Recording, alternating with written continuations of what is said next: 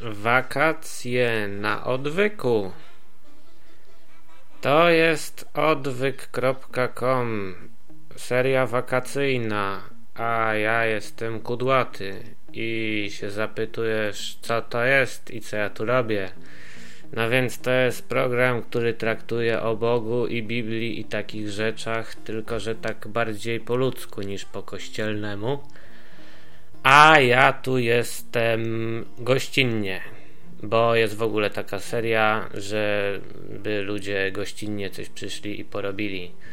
Bo nie może tak być, że tylko se siedzą i se słuchają, se konsumują, a sami to nic nie wyprodukują. Dlatego ja zachęcam do aktywności, bo jest taka możliwość.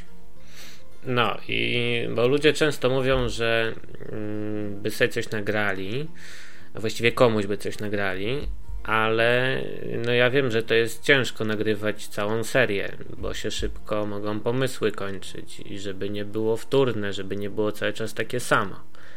No, to teraz yy, wychodzimy temu naprzeciw. A mianowicie yy, nagrać jeden odcinek to już jest dużo łatwiej niż nagrywać serię.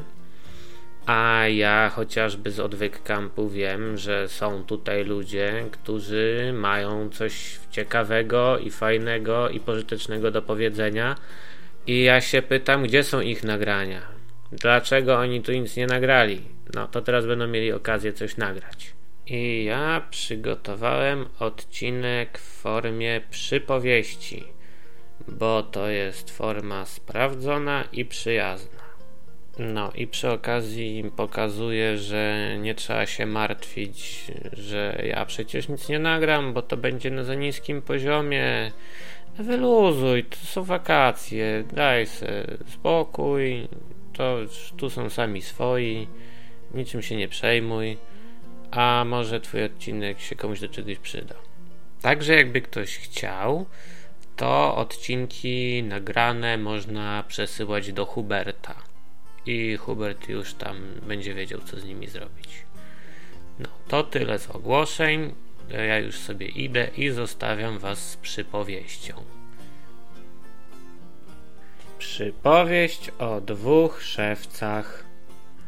Podobne jest królestwo niebios do dwóch czeladników, którzy zostali przyjęci do cechu szewców, aby tam pracowali. I tak. Jeden z nich pierwszego dnia od razu zaczął obsługiwać klientów. Drugi zaś rzekł w sercu swoim: Po czym ludzie poznają, że jestem dobrym szewcem, jeśli sam będę chodził w butach, które zrobił kto inny? Uczynię więc najpierw sobie porządne obuwie, aby nie mniemali, iż się nie znam na swoim fachu. I tak mijały dni, a obaj szewcy trudnili się zajęciem, jakie sobie obrali. Pierwszy robił buty dla ludu, który do niego przychodził. Drugi zaś wciąż poprawiał buty dla siebie. Chciał bowiem, aby były one nienaganne. Po pewnym czasie u obu zjawił się mistrz, aby sprawdzić, jak wykonują swoją pracę. Najpierw udał się do pierwszego i pytał, jak się u niego sprawy mają. A gdy zobaczył, że ten obsłużył znaczną część klientów, chwalił go i jego pracę. Wtedy udał się do drugiego, a zobaczywszy, że ten nie obsłużył jeszcze ani jednego klienta, zapytał zdumiony, co to ma znaczyć.